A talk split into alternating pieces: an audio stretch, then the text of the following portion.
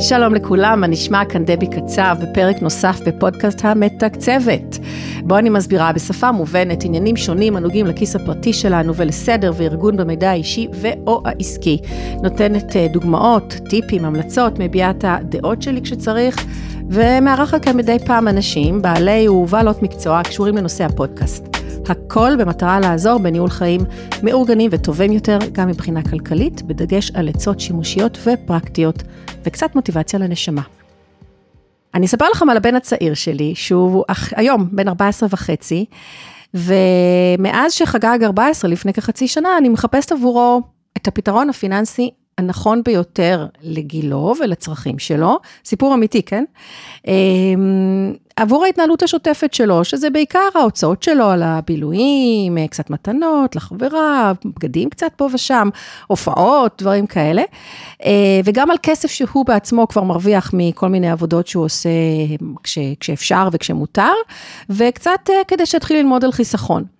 וההתלבטויות שלי אה, הן, היו, ועדיין האמת, האם לפתוח עבורו חשבון בנק, אפשר כבר בבנקים מסוימים ובתנאים מסוימים מגיל 14, אה, אבל זה קצת מסובך, וכאילו תהיתי כמה זה באמת מסובך, אולי עדיף לחכות לגיל 16 שעשיתי את זה עם הגדול שלי, כי אז הוא בעצם יכול, הוא עשה, הוא פתח את החשבון בנק שלו.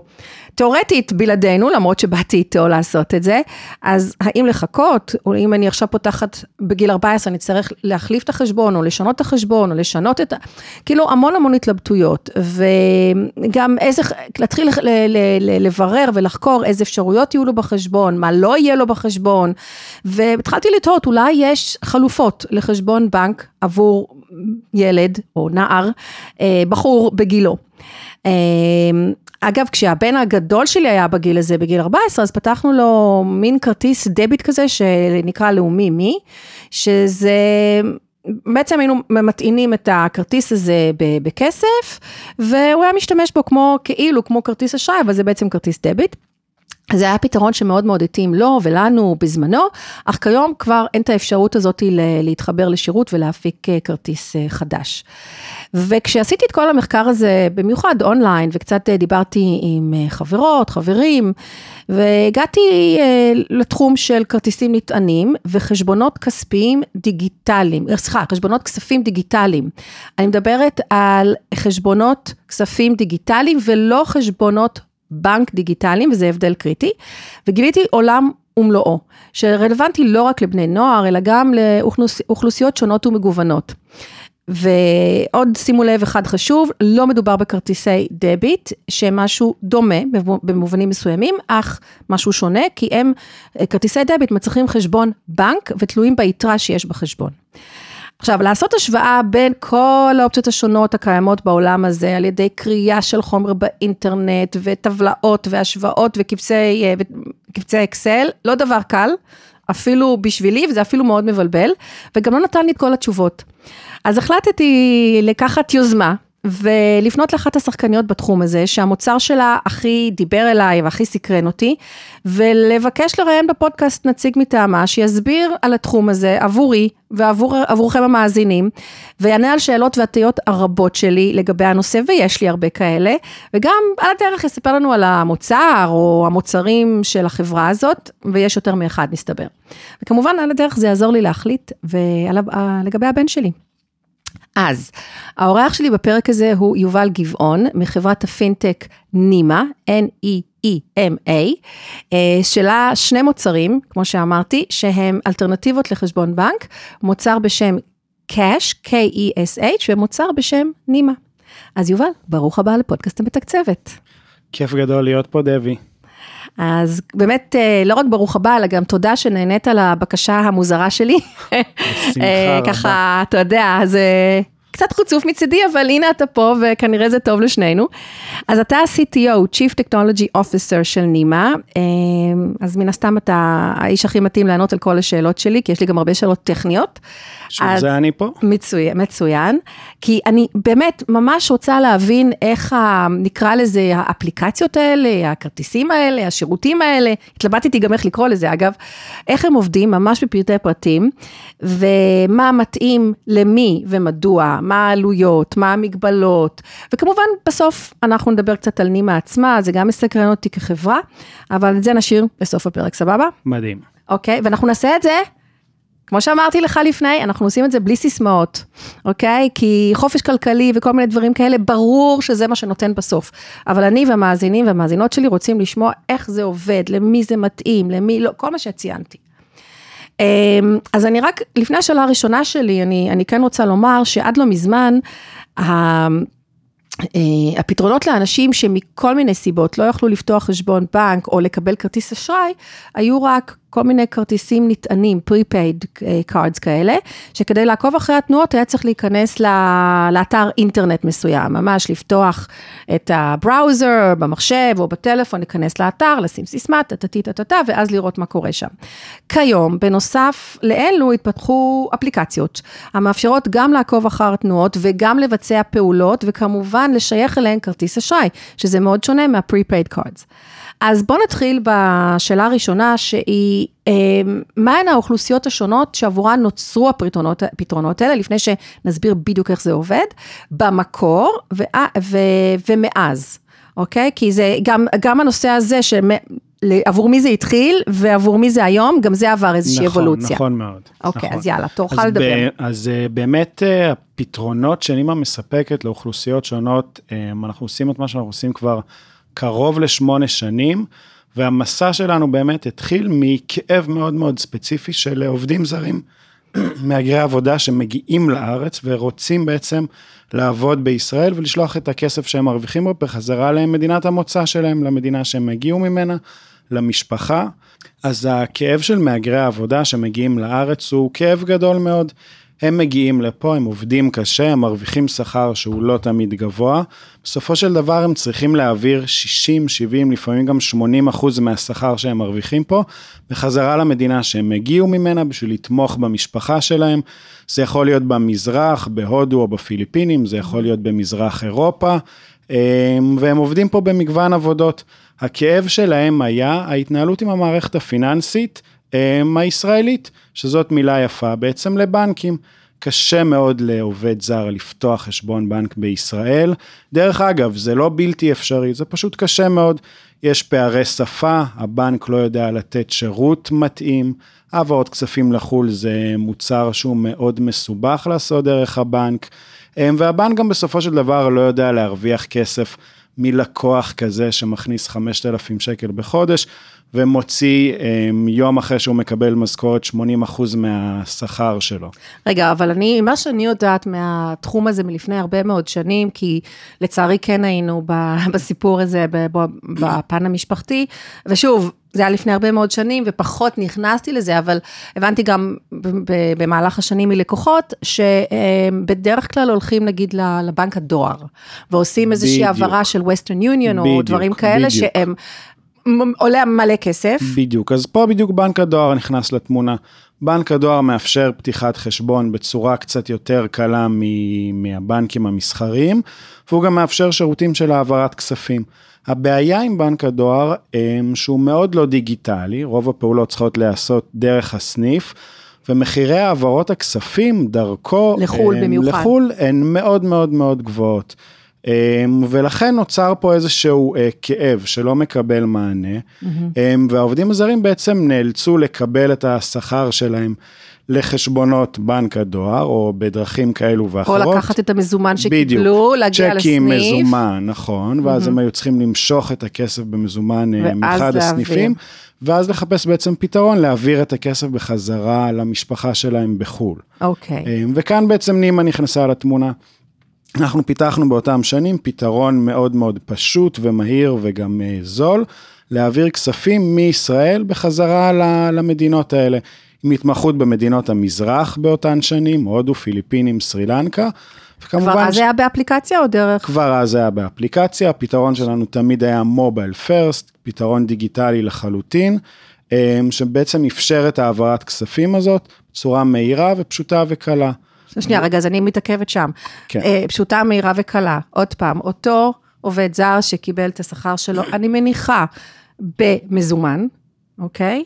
לקח את המזומן מהמעסיק, מה הוא עשה כדי להכניס את זה לאפליקציה שלכם? אז אנחנו מבינים באמת שהרבה ממקור הכספים הוא מזומן מטבע העבודה והפעילות של העובדים הזרים. ולכן אנחנו פתחנו גם סניף שלנו שמשרת לקוחות, וגם יצרנו שיתופי פעולה עם אה, רשתות אה, של צ'יינג'ים בעיקר ובתי עסק קטנים, שאפשרו ללקוחות להגיע ולהפקיד את המזומן לחשבון הנימה שלהם. בפעולה של כמה שניות. שנייה, אז רגע, אז אני גם מתעכבת, אתה הבנת כבר שאני אוהבת את הפרטי פרטים, יכולתי להיות CTO כנראה. רגע, אז הוא מגיע, היה מגיע, או מגיע עדיין, אני לא יודעת, עם אותו מזומן, אני מניחה שלא צ'ק, נכון, אוקיי? אוקיי? מזומן. מגיע לאותה אה, נקודת Change לצורך העניין, הם פותחים שם, יש להם במחשב איזושהי, איזשהו ממשק שלכם. נכון מאוד. נכון? נכון מאוד. והוא מקליד את הפרטי זיהוי שלו מהדרכון, או לא יודעת מה. הלקוח מזדהה, בעצם מוסר את הסכום שהוא רוצה להפקיד. ואז הוא גם נותן לאן הוא רוצה להעביר את זה. לא, אז פה, פה זה בדיוק אחד הדברים ששונים בין אה, נימה לבין הפתרונות האחרים שקיימים בשוק. אז רגע, בוא נדבר גם באופן כללי, לא רק על נימה, בסדר? כדי שאנשים בכלל יבינו מה הפתרונות, כי... בסדר? נכון, אז mm-hmm. קצת רצנו אה, להתחלה, אבל... מה שמיוחד בנימה זה שאנחנו מפתחים חשבונות דיגיטליים. אני בכוונה מקפיד על הטרמינולוגיה הזאת, לא מצוין, סתם. זה... אמ, שאלת, גם דיברת בתחילת הפרק על מה בעצם אנחנו עושים, אמרת, זה חשבון כספי, זה לא חשבון בנק, אז באמת אנחנו קוראים לזה חשבון דיגיטלי.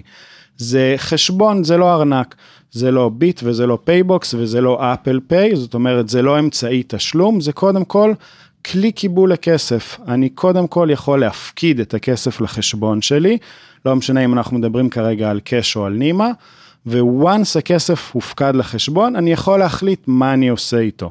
במקרה של העובדים הזרים, כמו שאמרנו, אז עיקר השימוש הוא באמת העברת הכסף לחו"ל. אוקיי, okay, אבל שוב אני מתעכבת. אז הוא הפקיד את הכסף באותו צ'יינג' עם שיש לו את הממשק שלכם, נכון. הוא קיבל איזושהי אסמכתה להפקדה. והכסף זמין בחשבון יפה. שלו. יפה. עכשיו, אותו עובד או עובדת זרה, יצאו, ועכשיו הם רוצים כעבור יום-יומיים להעביר את הכסף. מכאן הממשק של העובד, הם פותחים את האפליקציה, בלבד, שמים בדיוק. את מספר חשבון הבנק של... פרטי ה... המוטב, של קרוב המשפחה בחו"ל, בפיליפינים, בדיוק. של החשבון בנק שלהם שם. נכון. ולוחצים כמה הם רוצים להעביר. אמת. והם רואים בכל רגע נתון מה שער החליפין, מה עלות ההעברה. אמ, ובאמת באמצעות פעולה פשוטה שתיארת באפליקציה, כסף מגיע ליעדו בחו"ל. רגע, עכשיו, אז בכל זאת דיברת על נימה. נכון. אז מה ההבדל בגדול בין מה ש... בין המוצר שלכם? שוב, אז אז והיום זה אותו מוצר? כן. אוקיי, אז מה ההבדל בין זה לבין המוצרים האחרים? כי יש מוצרים האחרים. אז באמת הכאב הזה שהבנו שקיים בקרב אה, אוכלוסיות רבות בשוק הישראלי, הבנו שלעובדים זרים יש כאבים, ובמהלך הדרך הבנו שגם להרבה ישראלים יש איזשהו כאב פיננסי, משהו שמפריע להם בהתנהלות הפיננסית היומיומית שלהם, אה, עם הבנקים או עם הגופים האחרים. יכול להיות, אה, כמו שאמרתי, עובד זר שקשה לו לשמור את הכסף או להעביר את הכסף בחזרה. רגע, ועובדים לחול. זרים, אבל הם גם מתנהלים בארץ, זאת אומרת, יש להם גם צרכים להשתמש ב... נכון, ב... נכון במהלך נכון היום-יום, והחיים שלהם פה להוצאות ש... ש... שונות שלהם, שלא לא הכל מכוסה בדיוק, על ידי בדיוק, ה... בדיוק, וזה גם המכנה המשותף בין העובדים הזרים ל... לישראלים. אה, בוא, בוא ניתן דוגמאות, אתה מדבר על אנשים שנגיד הם פושטי רגל? זה פושט רגל, זה קיצון מסוג אחד, אבל יש גם המון אה, אה, ישראלים, אה, תושבים, mm-hmm. שאין להם מסגרת אשראי, או אין כרטיס אשראי, או החשבון במגבלה כזו או אחרת, okay. שהוא לאו דווקא פשיטת רגל. האוכלוסיות האלה, הם בעצם בעל כורחן עוברות להשתמש במזומן.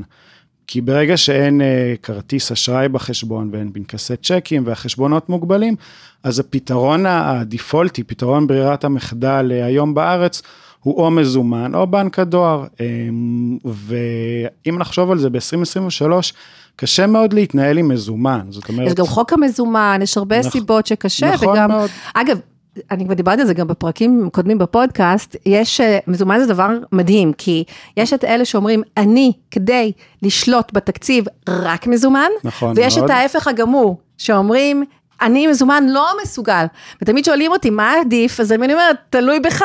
אז... אז אה, אני מסכים במאה אחוז. אה, בעיקר בשנות הקורונה, המזומן פתאום התחיל להגביל, אז גם אם המזומן הוא כלי לשליטה בהוצאות. כן, כי עשינו הזמנות אונליין, ואי אפשר. להזמין אונליין עם מזומן. אבל אה, זה נכון מאוד, אמהם. אי אפשר להזמין אונליין, ואני לא יכול לקנות לילד שלי תחפושת ב AliExpress עם מזומן, אבל אני גם לא יכול להשתמש בביט או בפייבוקס בשביל לשלם לקבוצה של הגן ליום הולדת של אל מישהו. תדבר איתי כרגע על קבוצות פייבוקס. אל תדבר איתי, אנחנו מקליטים באמצע יוני, אתה לא רוצה לדעת כן, כמה כן. ועדים והנהגות בדיוק- אני בדיוק כרגע. בגלל זה. אני אומר, אה, אבל אני גם לא. יכול לשלם ועד בית ושכר דירה, ואני לא יכול לעשות איתו המון כן. דברים. אני באמת לא יכול להשתמש בכסף, לא כסיסמה. פיזית נתנו עכשיו איזה 4-5 דוגמאות של דברים שאי אפשר לעשות עם מזומן. רגע, ואלה- אז בוא, בוא, בוא נחזור אבל לאוכלוסיות. נכון. אה, אז אז אמרנו, דיברת על פושטי רגל, פושטי רגל ועל וכאלה אנשים שהם- שלא מקבלים חשוב, את השירות אה, המלא מהבנקים. אה, אה, או כי הם לא יכולים, או כי הם לא רוצים. יש גם כאלה מאוד, שפחות נכון מאמינים בכל המערכת. נכון רגע, מאוד. ועוד אוכלוסייה שאני יכולה לחשוב עליה, זה מטיילים בחו"ל, נכון מאוד. נכון? שזה, פה אנחנו כבר למה בעצם. נכנסים אה, לעולם של, אה, של המרות מטח. כמו שציינו שיש שירותים שיקר לקבל מהבנק, או הזכרת את ווסטרן יוניון, אז נושא של אה, מטח, מטבע חוץ, הוא בעצם נושא שהוא גם כואב. כל המרה של מטח כרוכה בעמלות מאוד גבוהות ושערי חליפין גבוהים. נכון. ולפעמים אה, אה, יש אוכלוסיות שפשוט רוצות להמיר סכומים קטנים, או להיות מסוגלים להשתמש במטבע חוץ שהוא לאו דווקא שקל או דולר או יורו או פאונד. אה, ופה יש גם קושי, וזה מצחיק, כי פה הכאב של ישראלי שמטייל הוא כאב שהוא מאוד דומה לכאב של עובד זר. כי אם אני מטייל, אה, זה יכול להיות באירופה, אבל זה גם יכול להיות בפיליפינים, כי אני מטייל שם לטיול כן, גלישה, או הרחוק, בהודו, בדיוק. בדרום אמ, אמריקה. קשה לי, קשה לי לקנות את המטבע המקומי, זה יקר מאוד. זה המרה שהיא משקל לדולר ומדולר למטבע אקזוטי, כמו שנקרא, אמ, ו- וזה יקר וזה לא נגיש. אוקיי, ו- ודיברנו גם על בני נוער. נכון, נכון שגם מאוד. בני נוער הם אוכלוסייה מאוד. ש... עכשיו, עכשיו, והיום בני- בני נוער זה מגיל 11-12, תכלס. נכון מאוד, העולם מאוד השתנה ויש כבר אה, ילדים, הילדים שלי עדיין לא בגיל הזה, אבל שהם כבר מקבלים כסף, אי אפשר להתכחש לזה, כי הם אה, יוצאים עם חברים, כי הם רוצים לקנות איזה קשקוש אונליין, ו- והחשבונות הדיגיטליים בעצם אה, יכולים לעזור להורה. בסופו של דבר ההורה הוא מקור הכסף, יכולים לעזור להורה הם, להתנהל בצורה יותר נכונה ולנהל את, ה, את הכסף של משק הבית שהילדים הם חלק ממנו. נכון מאוד, כן. אני באמת, כמו שסיפרתי בהתחלה, הילדים שלי אה, לגמרי משתמשים באמצעים האלה. ובגיל אה, צעיר יחסית, מגיל 14, כמו שאמרתי.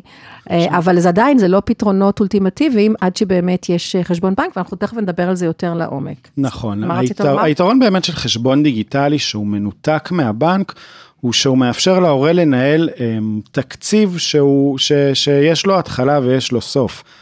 בחשבון הבנק הראשי של כולנו, שיש בו כרטיס אשראי ומסגרות אשראי, קצת קשה מאוד, קשה לעשות stop, להקציב איזשהו סכום ולהגיד שבסוף החודש או כשהסכום נגמר אני מפסיק הם, לצרוך או לקנות. בחשבון דיגיטלי, את בתור ההורה יכולה להגיד שאת מפקידה אלף שקלים לחשבון. בתחילת חודש או בכל שבוע, once הכסף נגמר בגלל שאין מסגרות אשראי ואי אפשר להיכנס למינוס, אז פיזית אי אפשר לבזבז יותר כסף. אוקיי, אז בוא באמת, מה שנקרא, הרמת לי, ואנחנו ניכנס עכשיו באמת לעומק העניינים, לעובי הקורה, ונדבר על, באמת על הסוגים השונים של כרטיסים ניתנים וחשבונות דיגיטליים שיש היום, מה ההבדלים ביניהם, למה צריך לשים לב. עכשיו אני כהורה למשל, או כמעסיקה של, אני מניחה שרוב העובדים הזרים לא יקשיבו לפודקאסט, אבל אולי מעסיקים כן, והם יכולים לכוון אותם, אה, או בתור מישהו שעומד לצאת לטיול, לא משנה, קודם כל אוכלוסיות ש- שמנינו, או אנשים שפשוט אין להם אה, את היכולות, אה, כמו שאמרנו, פושטי רגל ו- וכאלה. מה, מה צריך, עכשיו, אתם, אתם נימה לא היחידים בעולם הזה, אז בואו ניתן כמה קווים כלליים, אה, שמי שרוצה עכשיו כן אה, להשתמש בפתרון הזה, כי זה באמת מתאים לו, מה צריך לבדוק? כי אה, מן הסתם יש פה המון הבדלים, זה יכול להיות אה, פרמטרים שאני יכולה לחשוב עליהם, אה, על, עמלות, עלויות, הרי אתם חברה למטרות רווח, אז וכמו, וכולם בעצם, כל ה, גם המתחרים, אז האם יש הבדלים, מה ההבדלים, איך, כי, כי גם יש, אתה יודע, יש כל כך הרבה סעיפים שעם עמלות שונות, יכול להיות שזה יותר זול בזה, אבל יותר יקר בזה. אז איך בכלל מבחינת עמלות, רגע, מבחינת בטיחות. אה, אגב, אה, גם הנושא של רישיון אה, משרד האוצר, תדבר גם על זה, כרטיס שיש לו מעט הגבלות, הרבה הגבלות, אתה, אתה מבין מה אני אומרת? אנחנו, כן, כן. כאילו, עכשיו תחשוב שאתה מדבר עם מישהו, עם חבר שאומר לך, בוא תעשר לי סדר, אני רוצה עבור העובד זר שלי, או הילד שלי, או לא יודעת מי, לבחור מה, ויש לי ארבע, לפחות ארבע אופציות, איך אני בוחר? שקודם כל מה שחשוב זה להבין מה הצורך, מה אני צריך, כי אם אני צריך פתרון להתנהלות יומיומית בארץ, אז יכול להיות שאני אחפש משהו אחד, אם אני צריך פתרון להעברת כספים לחו"ל, אני אחפש מוצר שהיכולות שלו אחרות, אז קודם כל חשוב להבין מה הצורך. אמ, אנחנו מבינים שהמכנה המשותף באמת לכל הפתרונות שמנית, אמ, הוא שהם בסופו של דבר, מקבילים למערכת הבנקאית או לא מחוברים לחשבון בנק. זה לא משנה אם זה כרטיס נטען או פתרונות שהדואר מציע או פתרונות שחברות אחרות מציעות, mm-hmm. הם, הם מנותקים מה, מהחשבון בנק ומהמצב של הלקוח כן, בחשבון כן, הבנק. כן, כן, זה אנחנו הבנו. זה המכנה המשותף. Mm-hmm. ועכשיו השאלה מה הצורך, דיברנו על מטיילים, דיברנו על... אה, אז בואו ניקח כמה דוגמאות. אוקיי, נתחיל דווקא מבני נוער, מה לעשות, התחלתי שם, ככה הגעתי אליכם, בסדר?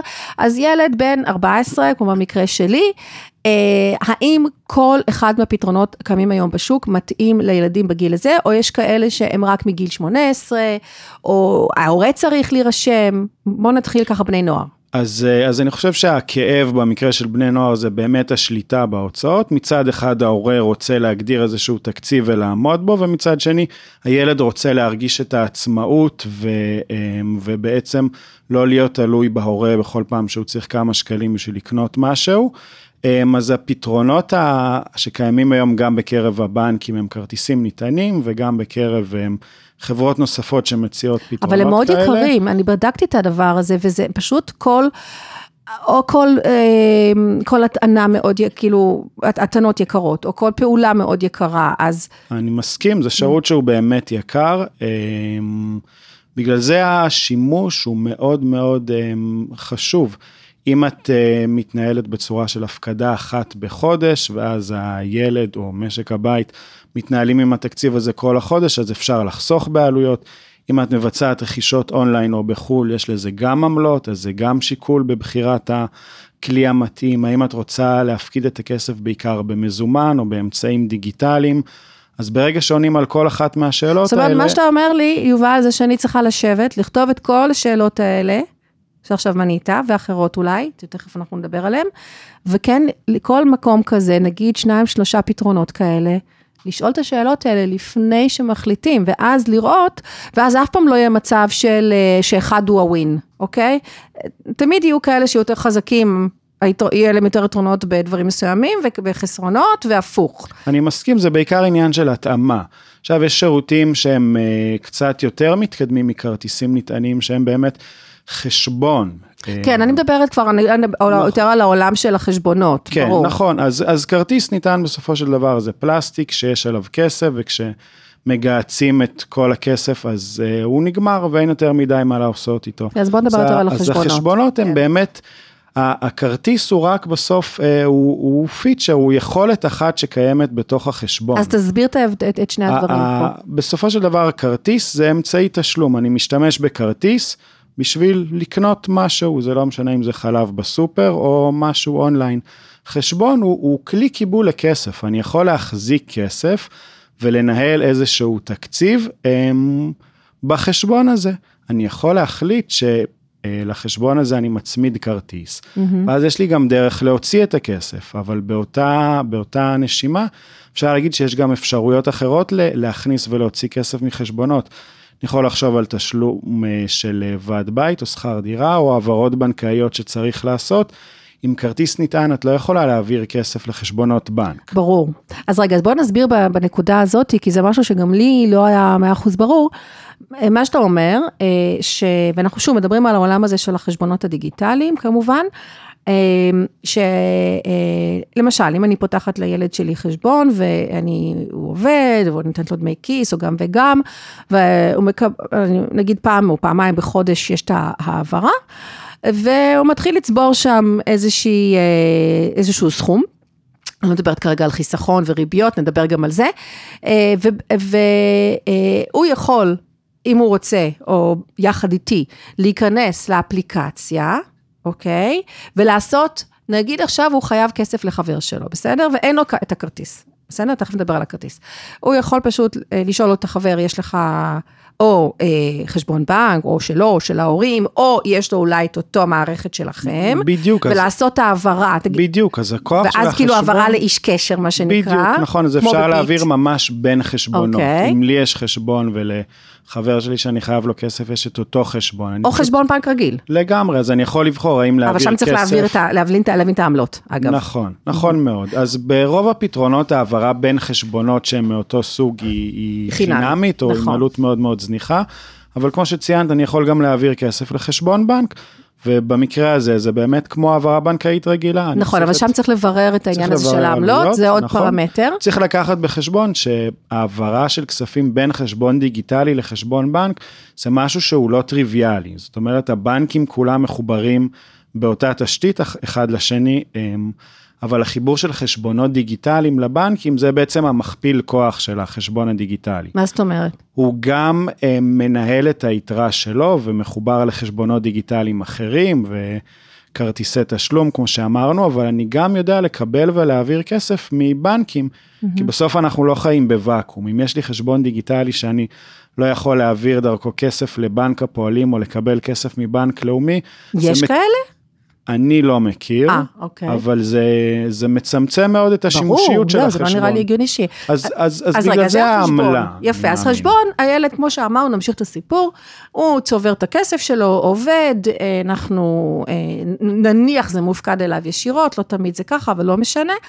אה, ואז הוא אומר לי, אוקיי, זה הכל טוב ויפה שיש לי שם, כבר צברתי 5,000 שקלים, שזה נחמד לילד בן 14, אבל אני רוצה לשלם עכשיו כשאני יוצא לפיצה. אוקיי? אני לא רוצה כל פעם למשוך, גם יש לי איזה עמלות, וגם אני לא רוצה להתנהל עם מזומן, כמו שאמרנו. ואז בעצם אתה אומר, לחשבונות הדיגיטליים האלה אפשר להפיק היום, ואפשר, אני בדקתי את זה, כל הפתרונות השונים, השונים שיש מה, מהסוג הזה בתחום, אפשר להפיק כרטיס. נכון, נכון, וגם לא קשר לגיל, או שכן, תדבר על אז, זה. אז אה, זה נכון, את מציינת שהחשבון הוא נפתח עבור הילד, אני חושב שרוב הפתרונות היום הם מחייבים גיל מינימלי של 18, זאת אומרת... אז מה עושים בני נוער מתחת לגיל הזה? זאת אומרת שההורה הוא בעל החשבון. זאת אוקיי, זאת אומרת, הח... החשבון הוא על שמי. כן, אבל... אבל הילד מתנהל, וגם הכרטיס שעכשיו אני אפיק, הוא על שמך, נכון הוא מאוד. על שמי, אבל הוא אבל זה בסוף, מחזיק אותו. כמו שאמרנו, זה, זה כלי של ההורה, וההורה הוא מקור הכספים. מה שהיה יפה בלאומי, שהשם של הילד היה מופיע, וזה נותן כן. לו איזשהו, בראש, תפיסתית, נכון. היה נותן לו איזשהו אבל כוח. אבל עדיין הכסף היה עדיין מקורו זה כסף, בחשבון. ברור, ברור, כן. ואני ניהלתי את זה כן, מאחורי כן. הקלעים. כן. רגע, אז עכשיו, אז אנחנו פותחים את החשבון, הוא על שמנו, אנחנו שוב עם, עם ילד בן ה-14, אבל כמובן זה משתנה אם זה מבוגר. אה, ואז אני אומרת לו, אוקיי, סבבה, אנחנו ניכנס, נגיד בחרנו בקאש, בסדר, שלכם, לצורך העניין, אה, ואני מבקשת שם להפיק אה, כרטיס. אשראי, לא אשראי, זה כרטיס. נכון, אוקיי? כרטיס נטען. כרטיס, זהו, זה כרטיס, עדיין זה של, שלכם ספציפית, של איזה חברה זה? אה, כרטיס ויזה, ויזה. שיתוף פעולה עם מקס. אוקיי, אז אני, דרך האפליקציה אני מניחה, אני מבקשת, נכון. ואז מה קורה? הכ- ה- ה- הכרטיס פיזית מגיע הביתה, מה קורה שם עם, עם מסגרות, מה קורה, כאילו, יש לי נכון, דבר כזה, מה, אז, איך זה אה, עובד? אז אנחנו פה בישראל רגילים שיש סוג אחד של כרטיסים, כרטיס אשראי, לכל היותר כרטיס דביט, אלה כרטיסים שלרוב מחוברים לחשבון בנק. הם, והחיוב שלהם, זאת אומרת אנחנו מגהצים, מגהצים, מגהצים כל החודש, בסופו של דבר הכסף ירד מחשבון הבנק שלנו בראשון לחודש, אם זה בעשירי כרטיס לחודש. אשראי ולא דביט, כן. נכון, אם זה כרטיס דביט אז אנחנו נראה באותו באותו רגע, יום או למחרת, נכון. שורות בחשבון הבנק שלנו. נכון. כרטיסים נטענים הם בסופו של דבר מנהלים את היתרה, ופה זה קצת מבלבל, אני מודה, על הכרטיס עצמו. זאת אומרת שהם בלי קשר אם הכרטיס מחובר לחשבון כזה או אחר, יש על הכרטיס יתרה, זאת אומרת שברגע שאני מטעין, הפעולה של העברת כסף מחשבון לכרטיס נקראת הטענה, ברגע שאני מטעין על הכרטיס 1,000 שקלים או 50 שקלים, אני יכול להשתמש בכרטיס בסכום הזה.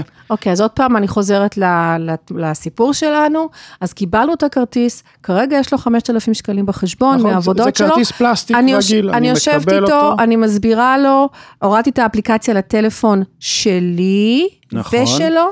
בחירה שלך. אבל אפשר גם וגם? כן. שגם הוא יוכל להתנהל עם זה? כן. עם אותם פרטי, אותם, אותם uh, סיסמאות, אה, פרטי כן, כניסה כן, והכל? כן. אוקיי, ואני אומרת לו, אוקיי, קיבלנו את הכרטיס פיזית הביתה, עכשיו, אנחנו נכנסים, מבצעים את פעולת ההטענה, נכון. דרך האפליקציה, אני שמה לך עכשיו על אלף שקלים. בדיוק, ציינת שבחשבון יש 5,000 כן. שקלים, על הכרטיס את טוענת רק את הסכום שאת שאנחנו רוצה רוצים להשתמש להגביל, בו. בדיוק, נכון. כי פה בעצם גם נכנס העניין של הניהול תקציב, נקרא נכון, לזה.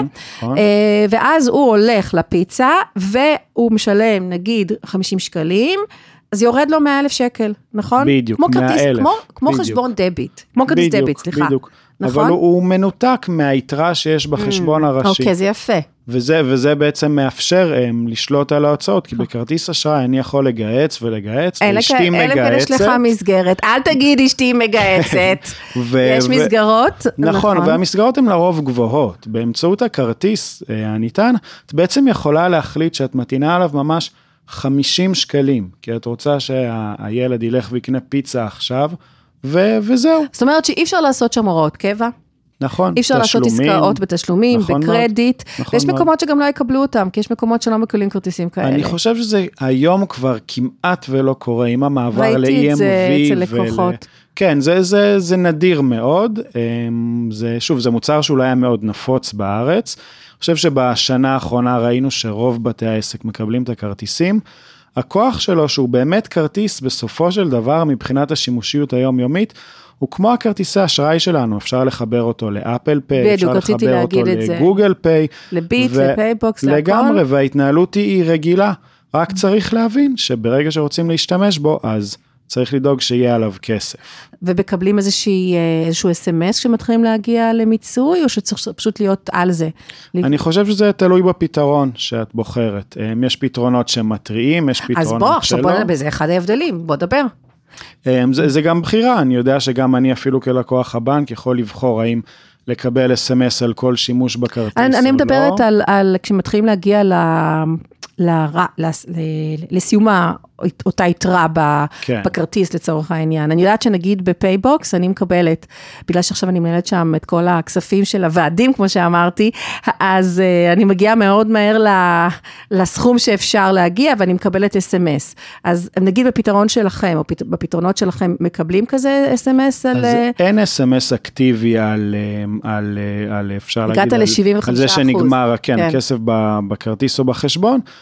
אבל הצפייה ביתרה היא, אה, אז אפשרית. כ-CTO, הנה משהו לפתח. לגמרי, challenge אוקיי. accepted. יפה, יפה מאוד, אהבתי. אוקיי, אז פשוט צריך להיות על זה, צריך לפתוח את נכון, האפליקציה, נכון. שבעיניי, לכל אחד, ובטח לבני נוער, זה מאוד מאוד חשוב, כי אנחנו רוצים להרגיל אותם גם להיות על זה.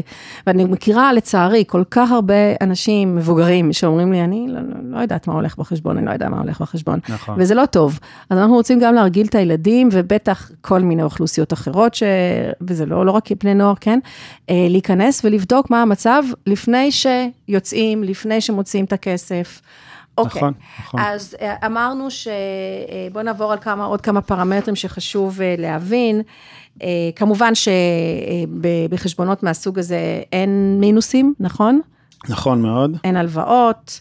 אה, יש יתרה מקסימלית, ש- שיכול להיות שזה פרמטר שמשתנה בין הפתרונות השונים. נכון, יש יתרה מקסימלית, אמ, אני יכול להגיד שאצלנו יש יתרה מקסימלית של אה, 140 אלף שקלים. בשני אני- המוצרים, כן, היתרה היא שזה דומה. זה הרבה. זה הרבה כסף, כן. נכון, אבל זה עדיין, זאת אומרת, זה, זה משאיר את החשבון לשימושים שהם באמת יומיומיים, אפשר להגיד, וקצת יותר, אבל זה עכשיו לא חשבון לקנות איתו דירה, וזה זה לא הכאב שאנחנו באים לפתור, ואני מאמין שגם הפתרונות האחרים. יש לה כרטיסים ה- לוויזה לצורך העניין. זה כמו כל כרטיס, יש לו תוקף למספר שנים, צריך כרטיס- לעדכן אותו, נכון? נכון מאוד, נכון מאוד. אוקיי, וגם שם יש מגבלות על הטעינה, על הסכום שאפשרי להטעין את הכרטיס? יש מגבלות, אני חושב שהמגבלות היום הן די גבוהות אצל אה, כל, ה, כל השירותים שקיימים, זה ברמת העשרות אלפי שקלים, אז שימושים שאנחנו מדברים עליהם, אני חושב שזה זה לא איזשהו חסם או מגבלה. כן, אפילו אולי יותר מדי, הייתי כן. אומרת. אה, אוקיי, ומה עם כל הנושא של אישור ופיקוח של משרד האוצר, הרשות... אה, אז בישראל כל, אה, כל חברה שנותנת אה, שירותים פיננסיים חייבת להיות אה, מפוקחת ולפעול תחת רישיון.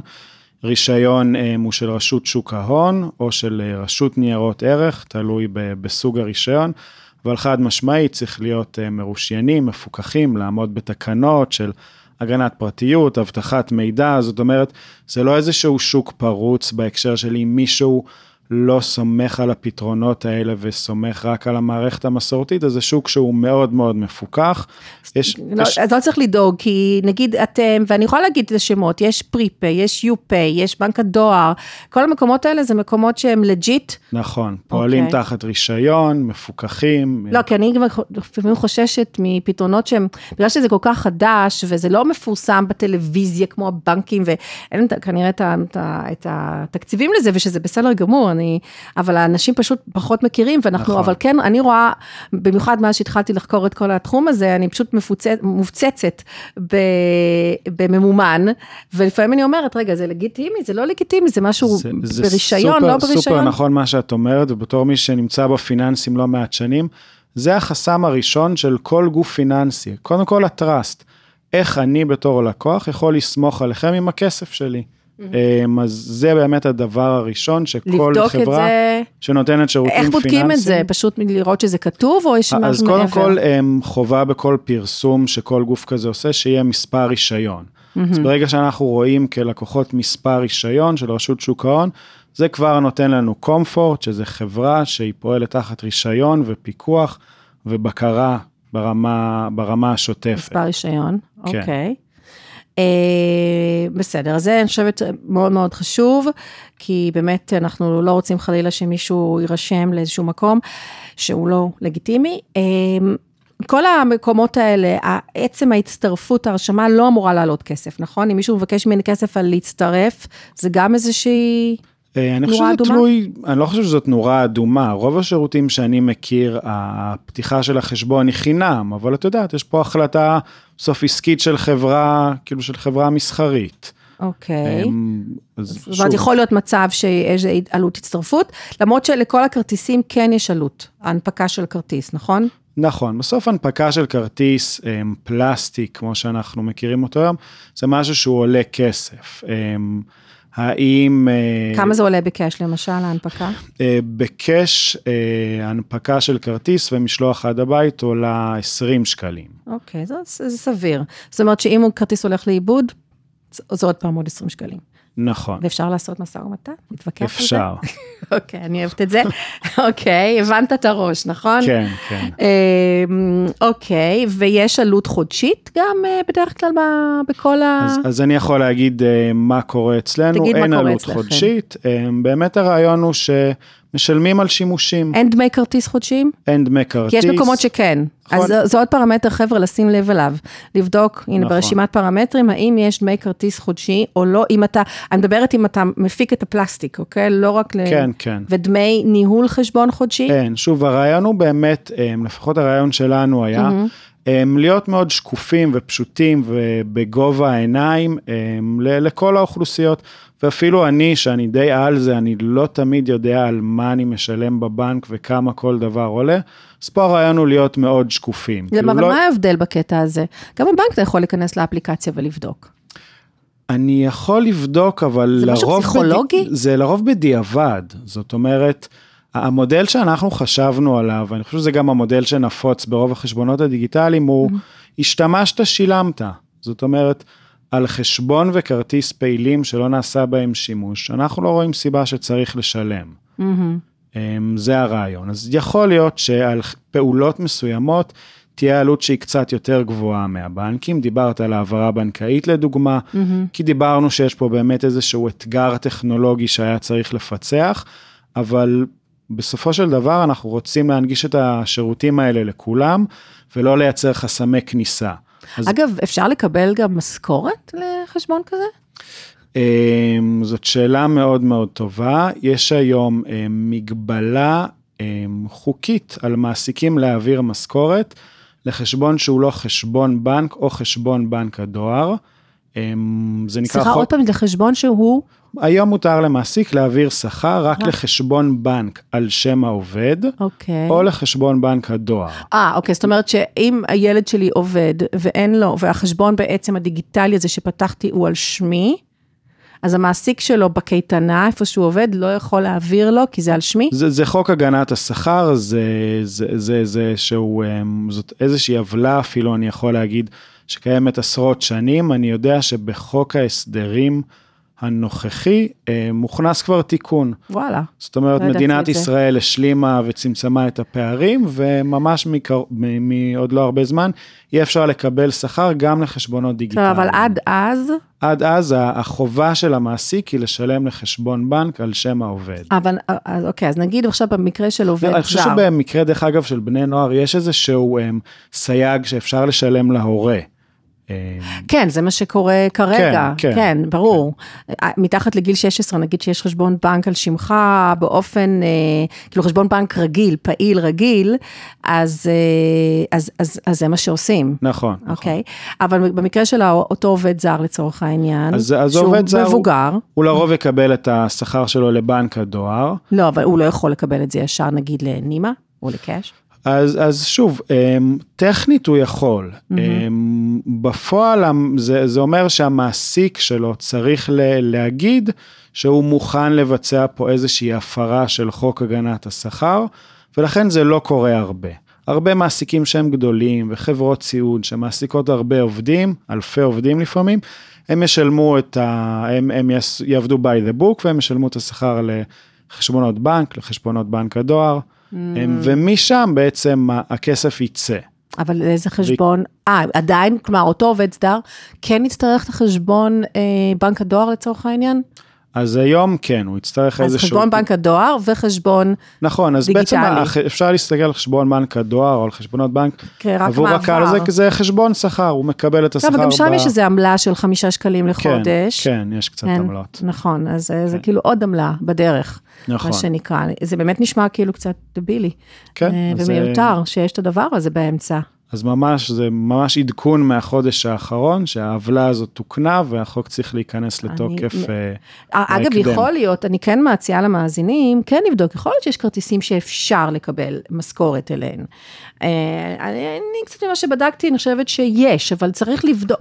כלומר, שוב, אתם מבינים, מאזינים, שיש פה רשימת שאלות שבאמת אתם צריכים לעשות לפי, כמו שאתה אמרת, יובל, לפי הצרכים שלכם. בדיוק. וזה עוד אחד הפרמטרים, כמו שאנחנו, אגב, סתם בכל דבר, אבל גם נגיד כשהולכים, אה, רוצים עכשיו לפתוח, אה, לעבור לחשבון בנק, לעבור לבנק אחר. אז צריך לעשות רשימה של כל הפרמטרים שרלוונטיים לכם היום, ואולי גם יהיו רלוונטיים בעתיד, וממש לעשות שופינג. לפי אותם פרמטרים, נכון. ואז לבדוק. וזה עוד דבר, אם אתם באמת רוצים להעביר לשם משכורת, עבורכם, עבור ילד, עבור עובד שלכם, לא יודעת מה, אז תשאלו, אז תבררו באותו מקום, באמת אפשר לדבר עם נציג בן אדם אגב אצלכם למשל? כן, כן. כן, זה לא רק בוטים ו- ורק לא, צ'אטים אנחנו מבינים ודברים כאלה. שבסופו של דבר יש פה כסף מצוין. של אנשים והם רוצים שמישהו ידבר איתם אוקיי. במידת הצורך. אז עוד דבר לבדוק, כי יכול להיות שחלק כן אפשר וחלק לא, אני לא יודעת. אה, בואו נראה, היה לי עוד, אנחנו תכף נדבר גם ספציפית אליכם, הרי יש פה איזשהו אבל- גוף בנקאי ברקע, נכון? עכשיו, עכשיו גם באמת דיברנו, דיברת על הצרכים, אז זה משהו שחשוב להבין, דיברנו מאוד על, על, על אה, שימושים וכאבים, אפשר להגיד שהם הם מאוד לוקאליים ויומיומיים, אבל צריך לזכור שהחשבונות הדיגיטליים, הם מציעים גם פתרונות מתקדמים בסופו של דבר. אז בואו ספר לנו עליהם.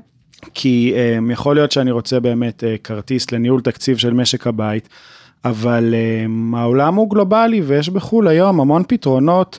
אמ, אני לא יודע אם מישהו מכיר שמות כמו רבולוט או מוניז. רציתי לשאול אותך לגבי זה. בדיוק, כן. שאלה חשבונות דיגיטליים שיש להם אה, המון כוח, זאת אומרת, זה לא רק חשבון וכרטיס. הם נקראים סופר אפס. כן, אז, נכון? אז, את יודעת, סופר אפ זה, זה איזשהו... אה, שוב, זה סיסמה. זאת סיסמה מרקטיאלית, אבל הלכה כן. למעשה, היום באמצעות חשבונות דיגיטליים אפשר לעשות הרבה יותר מלהפקיד שקלים ולקנות במכולת. אפשר גם לקבל, אה, לחסוך דרכם. אפשר לחסוך, אפשר ל-. לשמור מטח קודם כל. אמ, אנחנו יודעים שהשקל והדולר היום אה, זזים מאוד והיורו עולה ויורד, ויש חשבונות שאפשר גם לשמור בהם מטח ולקנות מטח. יש חשבונות שמאפשרים העברות כספים לחו"ל, כי אנחנו חיים בעולם גלובלי, ואם אה, לי יש אה, עסק אה, או ספק שאני צריך לקנות ממנו משהו במזרח, או איזשהו נכס שאני צריך לתחזק באירופה, אני רוצה להעביר לשם כסף, וזו פעולה שהיא לא מאוד נוחה וקלה דרך הבנק, והיא גם מאוד יקרה.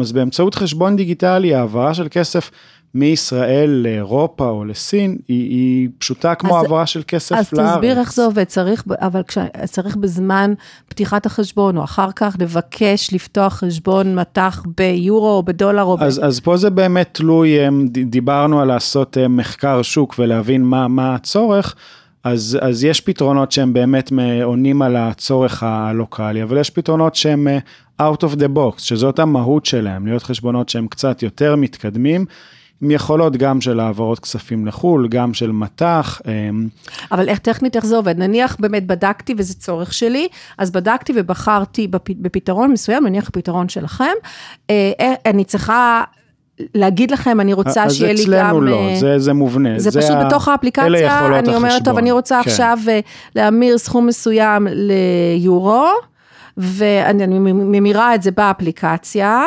נכון. ואז עכשיו אני רוצה להעביר את זה לחשבון של אחותי, כשגרה בצרפת, לצורך העניין. בדיוק, והפעולה הזאת תהיה קלה כמו להעביר כסף ל... וזולה יותר מהבנק? הרבה יותר זולה. אמ, מי שמכיר את, את בעצם רשת הסוויפט, שזאת הדרך שלנו להעביר כן. כסף לחו"ל היום, אנחנו מדברים על עלויות של עשרות יורו לפעמים. אמ, יש איזה מינימום גם, גם, כן, אני חושב שהמינימום הוא 20 ומשהו, וזה יכול להאמיר עד 50. כן, לפעמים בסכומים נמוכים זה יכול להיות מאוד גבוה יחסית. נכון, אז, אז הפתרונות הדיגיטליים באמת מאפשרים העברות כאלה, גם בקלות, זאת אומרת, אני כבר לא צריך ללכת לבנק ולחתום, אמ, אז אני עושה את זה באמת דרך האפליקציה, ו, וזה יעלה לי הרבה פחות. יכול להגיד שיכול להיות אפילו עשירית מהמחיר, ברמות האלה. אז זה באמת פרמטר מאוד מאוד מאוד חשוב לבדוק. לפעמים הצרכים גם משתנים, אנחנו לא- נגיד נפתח חשבון במקום מסוים, ואז עם הזמן פתאום יש צרכים שונים, אז גם את זה צריך לבדוק נכון. ו- ולראות, יכול להיות שצריך לעבור מחשבון כזה או אחר לחשבון שנותן לי אה, זה, וגם, גם, כמו שאמרנו קודם, יכול להיות שגם איתכם או עם כל אחד אחר, אפשר גם לעשות איזשהו משא ומתן לגבי העלויות. אז, אז לא, לא הייתי מגדיר את זה כמשא ומתן, אני לא רוצה שהחבר'ה אצלנו יבואו אליי אחרי זה. מה אבל- לעשות, אני המתקצבת. לגמרי, אבל, אבל באמת המודל עלויות הוא, הוא שקוף, ו- והוא באמת הוא בבחירה שלך, כי בבסיס אין לה שירות זאת עלות. אומרת, אני אראה את כל העלויות לפני שאני לפני מבצעת את ביצוע הפעולה. הפעולה, בדיוק. ואם אני אומרת, וואלה, העלויות פה גבוהות, מה אני עושה? אז זה חשבון, את יכולה להחליט לא לבצע את הפעולה, את יכולה להחליט למשוך את הכסף מהחשבון, זאת אומרת, אין פה איזשהו לא, כי, אלמנט, כי יכול להיות שפשוט המחירים פשוט עולים ואני לא שמה לב. בעיה של אה, הדברים האלה, כי גם, אתה נכון, יודע, אז ריביות שוב. עולות, הכל עולה, אולי גם זה עולה, כלום. אז אני יכול להעיד על עצמנו, אמ, שהמחיר של העברות כספים ל- למעלה מ-50 מדינות לא השתנה אצלנו 6 שנים, ואני לא רואה סיבה שהוא ישתנה בקרוב. אמ, שוב, באמת מתוך האמונה של אה, שקיפות והנגשה של אה, שירותים זה פיננסיים. מצוין, כי זה באמת אחד הדברים שאנשים לא שמים לב אליהם. נכון. וזה גם יכול להשתנות, וזה בדרך כלל כתוב נורא קטן, וכתוב בשפה כזאת שהיא לא זה.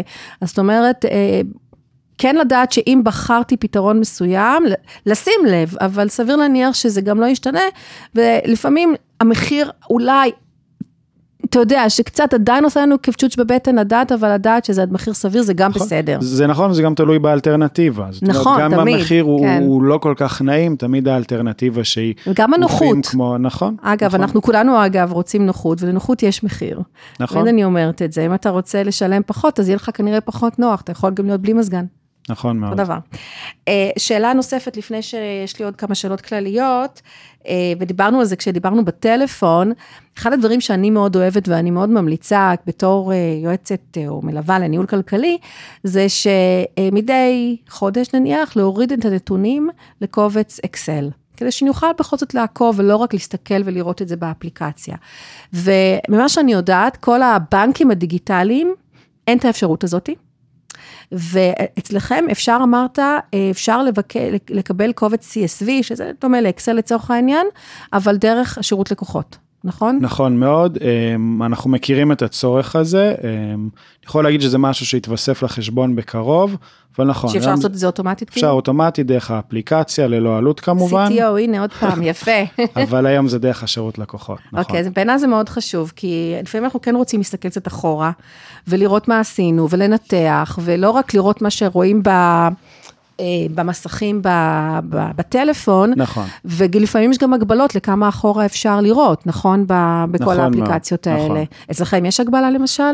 אה, אין הגבלה, האמת, אה, אבל אני מסכים שזה מעיק אם אני עכשיו רוצה למצוא תנועות מלפני שנה או לסכם את השנה, אז כן, זה צריך נכון. להיות מסודר בקובץ. אגב, ומה עם חשבון, זה נקרא הדוח השנתי, יש אצלכם גם דבר כזה, או לא צריך כי זה לא באמת חשבון בנק? זהו, בגלל שאנחנו לא, לא בנק ולא כפופים לבנק ישראל, אז אין, אין דוח שנתי. אוקיי. זהו, כי לא מזמן נשלחו הדוחות השנתיים נכון. של הבנקים. אז באמת אני ציינתי קודם, דיברת על רבולוט. אני בדקתי לפני תקופה, וזה לא היה זמין בארץ. אתה יודע אם היום זה כבר נכון. זמין בארץ? לא, רבולוט לא זמינים בארץ. אני חושב שבאופן כללי, אמ, זירת הפינטק, הפיננסים מאוד אה, מתחממת בארץ, והרבה חברות מחו"ל הם שמות, אה, שמות עין על ישראל, כי מעניין פה ויש פה צורך ויש פה שוק, אבל אני לא מכיר עדיין אה, פתרון מחו"ל. תקשיב, כי נכנסתי לאתר שלהם, זה פשוט עושה חשק. נכון. ממש נכון. עושה חשק, ו... קצת- בד... לא היה ברור אם יש את זה פה, או אפשר, אני חושבת, לשלוח כספים אה, לשם מהארץ, אבל לא מפה. זאת אומרת, אני לא יכולה להפיק בתור ישראלית נכון, שגרה פה. השירות אה, הוא עוד לא זמין בישראל אז לישראלים. אתם בעצם די נכון. קרובים לזה, לא? נכון, אז באמת, אמ, אני חושב שאנחנו אה, מספקים חשבון שהוא הכי קרוב לזה. אמ, עוד התעכבנו בתחילת הפרק על באמת על ההבדל בין חשבון לארנק, אמ, אבל זה נכון, ודיברנו על לבחור בפתרון הנכון, אז באמת זה, זה תלוי בצורך. יש הרבה אנשים, גם מחו"ל דרך אגב, שלא צריכים את כל היכולות שרבולוט מציעים, העברות כספים, מט"ח, קריפטו, אמ, אז באמת אה, הצורך הוא... וגם הוא- הדברים מתווספים, כמו שאמרת. כל הזמן, כל הזמן. אוקיי. זה, זה היתרון של בעצם העולם של החשבונות הדיגיטליים, שהם דינמיים והמוצר, אה, הוא מתאים את עצמו ללקוח והוא גמיש. אה, זאת אומרת, הבעיה שלי שיש לי, שכל האחים שלי מפוזרים בחו"ל, ולפעמים אני צריכה להעביר להם כסף, לא פתרת לי. למה לא? כי... אמ, כי אני רבולוט? לא, אני לא יודעת, כי נימה, איך, אה, להם אין נימה, הם לא יכולים, אה, לא, כי הם לא גרים פה. אה, אז כמו שאמרנו, אה, החשבונות... דרך חשבון בנק. בדיוק, כאילו, דרך החשבון החשבון שלהם, בדיוק. אוקיי. אם, אם שיהיה לי יותר חשבון- זול מהחשבון שלי, אתה אומר. אם דרך חשבון דיגיטלי הייתי יכול להעביר רק לחשבון דיגיטלי אחר, אז לא עשינו בזה כלום. היופי זה שדרך החשבון הדיגיטלי, את יכולה להעביר גם לחשבונות בנק בחו"ל, אוקיי, גם ואז זה- ל Revolut זה עניין של בחו"ל. לבדוק את העלויות. בדיוק, באמת, רק לבדוק בדיוק. שזה עולה לי פחות מאשר להעביר את זה נכון. דרך חשבון הבנק. נכון, עכשיו, אוקיי. ה- כמו שציינת באמת עם הקרובי משפחה שלך בחו"ל, אה, ישראל קצת בפיגור בהקשר הזה, בהמון מדינות, זה לא מסתדר. אז אני מסכים. אומת ההייטק, סטארט-אפ נכון, גם, Nation. גם המון חברות אה, ישראליות מציעות שירותים מאוד מתקדמים, אבל לא בישראל. רק בחו"ל, נכון. נכון, זה קשור שזה מטורף. לרגולציה, נכון. כן, נכון. אה, החוק שהזכרתי מקודם על אה, חוק אה, הגנת השכר, הוא, הוא Mm-hmm. התיקון? שלו, הוא. Mm-hmm. אמור, הוא אמור לפתור את הפלונטר הזה, אבל אה, בהרבה מדינות בחו"ל, אנשים לא מתנהלים ביום יום עם חשבון בנק. זאת אומרת, אם אני רוצה לשלם למישהו בסין, או אם אני גר באנגליה, יכול להיות שהפתרון שלי יהיה Alipay או WeChat או Revolut אה, נכון. בהתאמה. ואלה בכלל אה, סוגי תשלום שאי אפשר היום לבצע עליהם העברות דרך הבנק. זאת אומרת, אם אני קניתי סחורה אה, מסין ואני צריך לשלם כסף לחשבון וויצ'ט, בנק, כל בנק לא יודע להעביר כסף לוויצ'ט או לאליפיי או, או, או לכל מדינה בסוף יש את הביט שלה או את החשבונות האלה נכון. שלה, אז הבנק מוגבל בהעברת כספים לבנק. אז החשבונות הדיגיטליים מאפשרים את הגישה מדהים, הזאת זה מדהים בעיניי. לכל הגופים האלה בכל מדינה. אז כלומר, נימה יודעת להעביר לרבולוט? נכון מאוד. וואו. כן. זה וואו, לא ידעתי את זה, עכשיו חידשת לי, אתה רואה? טוב שבאת. אמ, אוקיי, זה, זה טוב, פעם הבאה שאני נתקלת בדבר הזה, אני לגמרי אזכור את זה, כי זה, ואצלי זה קורה. אוקיי, יופי. אה, עכשיו אני צריכה להתאפס על עצמי, כי יש לי עוד שאלות. רגע, אבל זה כל הזמן מנקר לי, מה עם חיסכון? יש איזה איך דרך לחסוך שם, נגיד אני רוצה גם ללמד, אני חוזרת לילד שלי, אני רוצה שהוא יבין שזה לא רק להוצאות, שגם יש לו כסף שהוא, שאפשר איכשהו לקבל על זה איזושהי תשואה. נכון, אז uh, אנחנו מדברים על סביבת ריבית היום, בלי להישמע כמו נגיד בנק ישראל שהיא גבוהה, mm-hmm. ופתאום פיקדון, שזה היה משהו שלא עניין אף אחד um, עד לפני שנה, או, פתאום... או, uh, פש... או, או ריבית על, ה, על היתרה. נכון, mm-hmm. אז, אז זה פתאום uh, all over, נכון? נכון? מדברים על זה בחדשות, בתוכניות חיסכון, הבנקים פתאום מתחרים על לקוחות ועל נכון. פיקדונות. Um, אז גם אנחנו um, לא, לא עיוורים לזה מן הסתם, ואנחנו... ממש בימים אלה מבינים את הצורך ועובדים על, על כלי שהוא יהיה, אנחנו קוראים לזה כיס, זה לא פיקדון, זה כיס. כיס, כמו כיס, אף י' סמך. ש, כן. ש, שהמטרה שלו היא או, או לאפשר חיסכון למטרה מה, מסוימת. מעטפה, מה שנקרא. בדיוק. אבל עם uh, ריבית. אז, אז זה יכול להיות כיס כי אני רוצה לחסוך לאייפון או לטיול בחו"ל, וזה יכול להיות כיס כי זה פשוט כסף שאני רוצה שלא לא לבזבז אותו. אמ, והיכולת לתת ריבית על הכיס הזה, היא גם יכולת שעד ממש לא מזמן אה, לא הייתה נגישה לפינטקים, רק לבנקים, ואותו אותו חוק שאני חוזר אליו כל הזמן, mm-hmm. גם מאפשר לפינטקים להציע ריבית אה, ללקוחות שלהם, אז זה גם משהו שאפשר לצפות לו בקרוב. PayBox, עכשיו התחילו עם זה, שמתי, נכון, ראיתי. נכון, PayBox צריך לזכור שהם בסוף בנק. כאילו נכון. PayBox זה בנק דיסקונט, נכון. אז הם יכולים לעשות הרבה דברים שכל השמות שציינת מקודם לא יכולים. אה, נכון, אבל עובדה שזה לקח להם לא מעט שנים גם להגיע לזה. כן, כן. כן. אוקיי, אז בואו נראה איזה עוד שאלות, מכל השאלות שרשמתי פה עדיין לא ענינו עליהן, כי אנחנו מתקרבים לסוף הפרק, סוף השעה. אה, דיברנו קצת על איך הפתרונות מקלים על התנהלות כלכלית נכונה בחו"ל, נכון? אה, ציינת משהו על שזה יכול לעזור למצב חירום פיננסי בחו"ל? איך זה קשור לחירום פיננסי? אמ, אז בואו ניקח תרחיש שאני אמ, אה, אחרי צבא, אני מטייל בחו"ל, יכול כן. להיות במזרח. ונתקעתי בלי כסף, או שהכרטיס אשראי שלי נגנב, או שנגמר לי המזומן, או travel checks, כל אחד והפתרון שהוא עדיין. בוחר פה, כן, כן מסתבר. Mm. אז דיברנו על יכולת להעביר כסף אה, לא רק לבנקים בחו"ל, אז יש בהרבה מדינות בחו"ל משהו שנקרא cash pickup, שזה לרוב רשת של קיוסקים או צ'יינג'ים שאפשר להגיע אליה להזדהות ולאסוף מזומן. אמ, אז כמו שאמרנו שאפשר להעביר כסף אה, ל Revolut או ל WeChat בסין, אז יש אפשרות גם להעביר כסף ל cash pickup ים האלה. אז אני יכול להגיד להורים שלי, או mm-hmm. אפילו מהחשבון שלי אה, עצמי, לשלוח כסף ל cash pickup, שאני נמצא לידו. אני צריך לבחור את המיקום? זה, זה תלוי במדינה, לפעמים mm-hmm. את פשוט בוחרת את המדינה ויכולה לגשת לכל מיקום, לפעמים מיקום ספציפי, ואז אני פשוט יכול לגשת לאותו 7-11 כזה ולאסוף מזומן. אם צריך מזומן ספציפית, אתה מדבר. אה, כן. כן. מדהים, לא הכרתי את העולם. ולפעמים אני גם פשוט יכול לשלם לחשבון דיגיטלי או של מישהו שאני נמצא בו. לצורך העניין למלון, אם אני צריך אה, עכשיו. אוקיי. אז אני יכול לעשות לו את התשלום הזה ישירות והוא יראה אותו בזמן אמת. תקשיב, זה המון אפשרויות שצריך באמת אה, להיות נכון, מודע אליהן. נכון. בסדר, אז בגלל זה אנחנו פה, נכון? אוקיי, אה, טוב, דיברנו על איך אה, חשבונות כאלה יכולים לעזור למנוע אה, עיבוד או גנבת כספים, כי לא מדובר פה בעצם במזומן, נכון, נכון? נכון. בעיקר. נכון. דיברנו על בטיחות, נכון? כי אתם ברישיון ובודקים אתכם. בואו נראה. ודיברנו גם על הנושא הזה, שזה גם היה לי ככה תהייה כשהתכוננתי לפרק, שאפשר לשים את האפליקציה גם, כי זה רק אפליקציה, אין פה ווב, נכון? נכון. אצלי ואצל הילד, ו... ואפשר, והוא יכול לראות ואני יכולה לראות מה קורה שם ולעקוב נכון מאוד. אחריו. אני יכולה כן. לבלוש אחריו, מה שנקרא. לגמרי. אוקיי? Okay? אה, וגם הוא יכול להתנהל עצמאית, והוא חייב, הם, הן, הם, הן, בנות גם כמובן. אה, אוקיי, אז עכשיו לנימה. קודם כל, מה פירוש השם? אה, פירוש השם אה, נימה הוא מסווהילית, סווהילית. כן. יפה. והפירוש הוא שפע. אה. ו- וזה מצחיק כי גם, אה, ב- גם בעברית, אה, תודעת השפע, הוא, מה שנקרא. כן, הוא, הוא נימה, הוא הילה, אה, כן. זה באמת הרעיון. אני כותבת שפע בסווהילית, עכשיו נתת כן. לי רעיון ל- לשיווק של הפרק, אוקיי. כן, כן. אז, אה, ולמה דווקא סווהילית? אמ, אני חושב שחיפשנו מילה שהיא היא תהיה גלובלית, אמ, שיש לה משמעות בהרבה שפות, ובסוף המוצר, כמו שציינתי במקור שלו, הוא פנה לעובד הזר, אה, אוקיי. וזה מה שהתאים, אוקיי, לא, בסדר, אבל זה יפה.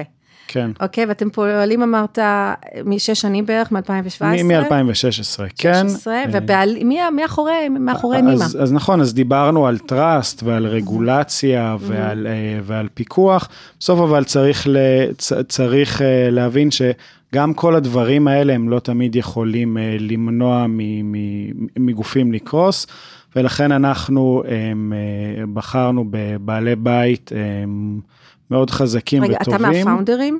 כן, אוקיי. אני ומשה קמחי, המנכ"ל של החברה.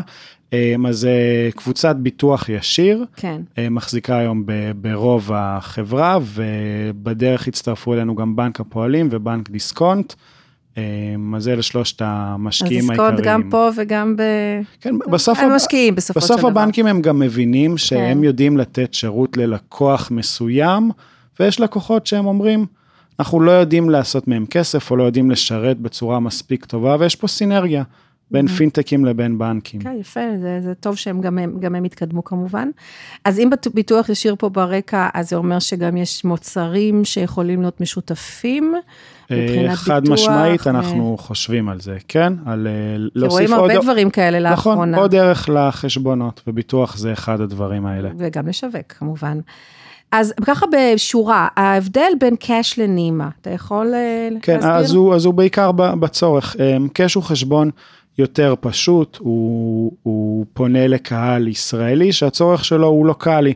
בין אם אה, דיברנו על, על כרטיסים מקומיים, על משק בית, על משפחה, על התנהלות אה, במזומן שהיא קשה היום, ונימה הוא מוצר שהוא קצת יותר מתקדם, והוא בעצם אה, אה, מאפשר את מה שדיברנו לפני כמה דקות, חו"ל. על העברות כספים לחו"ל ומסחר במטח, הוא קצת יותר מורכב, זאת אומרת מי שהצורך שלו הוא באמת התנהלות יומיומית בארץ, הוא יכול להסתפק בקאש, וזה המוצר שיהיה לו הכי פשוט ונעים ונגיש. אוקיי, אז תאורטית אני יכולה עבור הילד שלי לפתוח קאש, אוקיי, שזה יהיה על שמי, כי הוא עדיין מתחת נכון, לגיל את 18. בעלת החשבון, אבל אם אני רוצה, כדי שיהיה לי גם את האפשרות, נגיד, כמו שאמרתי, להעביר כספים לאחים שלי בחו"ל, או שהם יעבירו אליי בזול יותר מדרך הבנק, אז זה ובנוסף נימה, גם, נגיד, לנהל איזשהו תקציב את דרכו, אז אני פותחת נימה. חשבון אחד לתעודת זהות, ב- כלומר, תחת אחד כל נימה מוצר. ואחד קאש. בדיוק, בדיוק. אוקיי, הבנתי. אמ, ואמרנו שאפשר לחבר אותם לאפל פיי וגוגל פיי וכל נכון. הדברים האלה. דיברנו על חיסכון, שאתם עכשיו, אה, נכון, אה, פועלים אה, לגבי זה. כמה לקוחות יש לכם היום, אתה יכול להגיד לי? כן, אנחנו משרתים היום עשרות אלפי לקוחות אה, בכל חודש, שלקוח זה לא מישהו שפתח את האפליקציה, זה לקוח זה מישהו שעשה פעולה פיננסית. הפקיד? כסף, הוציא כסף, השתמש בכרטיס. אה, אתה אומר שממש עושים פעולות, לא רק כן, פותחים את, בדיוק, ה... לא את פתחו חשבון ו... והשאירו אותו בדיוק, סטטי. אז לקוחות למה לעשות פעילים. דבר כזה? יש, עלות, לא? אה, לא, אמרנו שאין אה, עלויות. אין עלויות אה, אם נכון, החשבון אם לא... החשבון לא פעיל אין עלויות, אוקיי, סליחה. אבל אה, עשרות אלפים פעילים בכל חודש. גם בארץ וגם בחו"ל? הלקוחות שלנו הם בארץ, גם אם אלה עובדים זרים או אנשים שיש להם צורך להעברת כספים לחו"ל, הלקוח עצמו הוא בארץ, הוא אבל ישראלי. כנימה, אה, מישהו, כלומר, אני רואה שאתם משווקים את זה גם בחו"ל, לא? אה, או האתר שלכם לפחות הוא באנגלית. נכון, אז, זה- אז את החשבונות הדיגיטליים. אה, האלה שדיברנו עליהם היום, הם פונים לשוק הישראלי. אוקיי, הבנתי. זאת אומרת שאת צריכה- באנג- אז האתר הוא בחו"ל, אה, הוא באנגלית, כי הוא... קודם כל הוא פונה לקהל שהוא לקהל דובר שנגיד- אנגלית בחלקו, ויש לנו פעילויות שגרים בארץ. נוספות, אה, אבל החשבונות הדיגיטליים פונים ל- לישראלים. הבנתי, אוקיי. חידשתם, חידשת המון, ואני לגמרי הולכת לבדוק את זה עבור ה- הילד שלי. אה, וכמובן לדברים אחרים, אני מנסה לחשוב באמת, אחד הדברים שאני תמיד מנסה גם עבור לקוחות שלי, זה למצוא כל מיני פתרונות שיהיו להם קלים להתנהלות השוטפת, במיוחד למי שיש לו יותר קושי בהתנהלות, והרבה פעמים מצאתי באמת בכרטיסי דביט שיש להם הרבה נכון, מקומות שהם לא נכון. מתקבלים בהם, אז זה באמת יכול להיות פתרון אה, נהדר. אה, יובל, עוד משהו לפני שאנחנו מסיימים? אה, אני חושב שבאמת כיסינו את הכל, שמחתי לשפוך אור באמת על, על העולם הזה שהוא לא, לא מוכר ל, להרבה אנשים, ובעצם לספר ולשתף על זה שיש היום פתרונות נוספים שהם לא חשבון בנק. ובהתאם לצורך של משק בית או לקוח או, או כל אחד היום, כי זה עולם גלובלי, צריך להכיר um, את הפתרונות האלה, וכמו שאמרת, באמת להתאים את ה... לבדוק מה הצורך, ורק אז לחפש את הפתרון השוואה, המתאים. נכון. נכון. לעשות השוואה, כי שימושים שונים חיד... יגררו עלויות שונות כמובן. אבל אה, זה באמת תחום שהוא מאוד מאוד מתפתח כן. בארץ. ולא לשכוח שבאמת מדובר בסופו של דבר בעסקים למטרות רווח, אז נכון, ברור שיהיו נכון. עלויות, כלומר אי אפשר לצפות שזה יהיה בחינם, ולפעמים, כמו שאמרנו, הנוחות היא שווה את זה. נכון. אה, כן, שאלה אחרונה, דיברנו קצת על זה, אבל אני בכל זאת כן רוצה בסוף לשאול. הנושא של שירות לקוחות, מאוד מאוד חשוב, כי אנשים עדיין רוצים לדבר עם אנשים. כמה קל אצלכם להגיע לדבר עם בן אדם, בסופו של דבר. אז um, יש לנו שני מוצרים, כמו שאמרנו. Um, בשניהם העדפה, דרך אגב, שלנו, וגילינו שגם של רוב הלקוחות, היא, היא כן לקבל פתרון מהיר. ופתרון מהיר לבעיה... הוא לרוב יקרה דרך הצ'אט. אמ, אבל, אבל... מי, מי עומד מאחורי הצ'אט בוט? אה, לא, לא, מאחורי הצ'אט יש אנשים, אוקיי. אמ, חד משמעית, ואפשר גם אה, לחייג אלינו, המספר הטלפון של נימו מפורסם באתר ובאפליקציה, אין בעיה ליצור קשר, ובכל מקרה, גם אם לא הצלחת ליצור קשר והגעת לצ'אט, אמ, נציג אמיתי ואנושי מוודא שקיבלת מענה. 24/7 גם? והוא חוזר אלייך, השירות לקוחות שלנו פעיל בנימה שבעה ימים בשבוע, כולל ביום שבת, ובכשישה ימים בשבוע, בשעות של תשע בבוקר עד שש בערב, ולפעמים גם יותר, אז, אז אנחנו מצוין, באמת פה, אנחנו מצוין. באמת שם. כן, נראה לי גם, בגלל שזה חדש יחסית, וכל הקונספט הזה צריך יותר תמיכה, נכון, אפילו להסביר נכון. דברים שהם אה, פשוטים, ואין עלות ליצירת קשר עם אה, שירות לקוחות, לא. נכון? אני שואלת, אני לא יודעת. כן. כמו שאמרת, אחד הדברים זה גם לדעת לזהות עלויות נסתרות, אז רק נכון. לוודא שאין את העלויות הנסתרות האלו.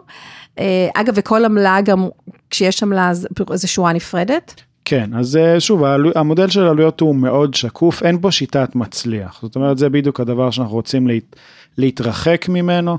רואה את העלות לפני ביצוע הפעולה, וזה שקוף לך בעובר ושב, כמה כל פעולה עלתה, וזה לגמרי בחירה של הלקוח. מצוין, אז תבדקו את זה, לא להתעלם בבקשה, מאזינים יקרים שלי. טוב, אז באמת הגענו לסיום הפרק, דיברנו קצת יותר משעה, אבל יכולתי להמשיך לשאול כי יש לי עוד שאלות כרגיל, אה, ואני פשוט אשלח לכם הודעות, נדבר בטלפון אה, בעתיד, כי כמו שאמרתי, אני כנראה תכף אהיה לקוחה שלכם. תודה רבה אה, שהגעת עד, אה, עד לכאן ושנהנית לבקשה שלי, לפנייה, לבוא לדבר ולהסביר על כל העולם הזה של החשבונות הדיגיטליים והכרטיסים הנטענים, שזה בעצם מה שהיה פעם, היום זה כבר הרבה מעבר, ולספר לנו גם על נימה ועל קאש. ואני אשים בתיאור הפרק את הלינקים לאתר שלכם. וגם דף הפייסבוק, ראיתי שלקאש יש דף פייסבוק פעיל, נכון? נכון? כן. אז אם תרצה עוד משהו, עוד, עוד איזה לינק כזה, כמובן תשלח לי ואני אשים. ובאמת עזרת לי להבין אה, לעומק אה, הרבה יותר ממה שהבנתי קודם שמחתי, את התחום הזה. שמחתי, שמחתי. ורק נגיד תודה למאזינים שלנו. תודה רבה כולם. כן, ותודה גם ממני, ואני גם מקווה שחידשתי לכם ועשיתי לכם קצת סדר בתחום שכמו שאמרתי, גם אני לא התמוצאתי בו עד עכשיו. אה, חשבתי גם שהוא לא רלוונטי אליי, פתאום גיליתי ש... וגם חשבתי שהוא נורא יקר והוא מסובך. ועכשיו גיליתי שזה לא, לא באמת ככה, ושהוא כן רלוונטי, והוא פחות יקר ממה שהאלטרנטיבות אולי, וגם הרבה פחות מסובך. עדיין, אני, כמו שאמרנו, כל אחד שיבדוק טוב טוב לפי הצרכים שלו. אה, אז יובל נתן לנו, למאזיני הפודקאסט, אה, הטבה נחמדה. שזה בעצם 20 שקלים הנחה על הזמנת הכרטיס הוויזה אה, למי שמצטרף לקאש.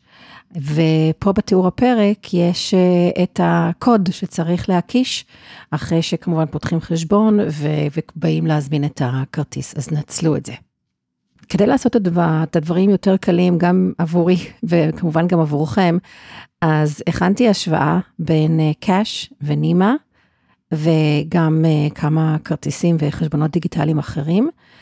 אה, שבהשוואה אפשר לראות את העלויות השונות העיקריות, כי יש כל מיני, אבל התמקדתי בדברים העיקריים, ההגבלות, דברים חשובים שצריך לדעת, האפשרויות שיש או אין. יש אה, לינק ישיר בתיאור הפרק להשוואה שנמצאת בעצם בבלוג שלי, ושם תוכלו להיכנס בעצמכם ולקרוא, ואני מקווה גם להשתמש בזה. ובסוף יש לי, יובל, קצת הודעות רשמיות, ככה דקה, אני עושה את זה מהר, תישאר איתי רגע. אז אני מזכירה למאזינים שאני כאן לייעוצים בשני התחומים, ניהול כלכלי וניהול מידע. כל הפרטים על איך אפשר לעבוד איתי מופיעים בתיאור הפרק. אל תשכחו לעשות subscribe לפודקאסט כדי שתקבלו ידוע על כל פרק חדש שעולה, שלא תפספסו, ויש פרקים טובים שעלו ועולים. אה, ואם אתם מאזינים ב Spotify או Apple Podcast, אז אני מאוד מאוד אשמח לדירוגים וביקורות טובות בלבד. ואם הפרק נראה לכם מתאים, רלוונטי לחבר, חברה, בן או בת משפחה, אז תעשו להם טובה ותשלחו להם את, ה, את הלינק אה, לכל אפליקציה דרכה הם מאזינים. ותמיד שמחה לקבל תגובות, רעיונות לפרקים חדשים, לראות שיתופים בסטורי של הפרק ותתייגו אותי שאני לא אפספס.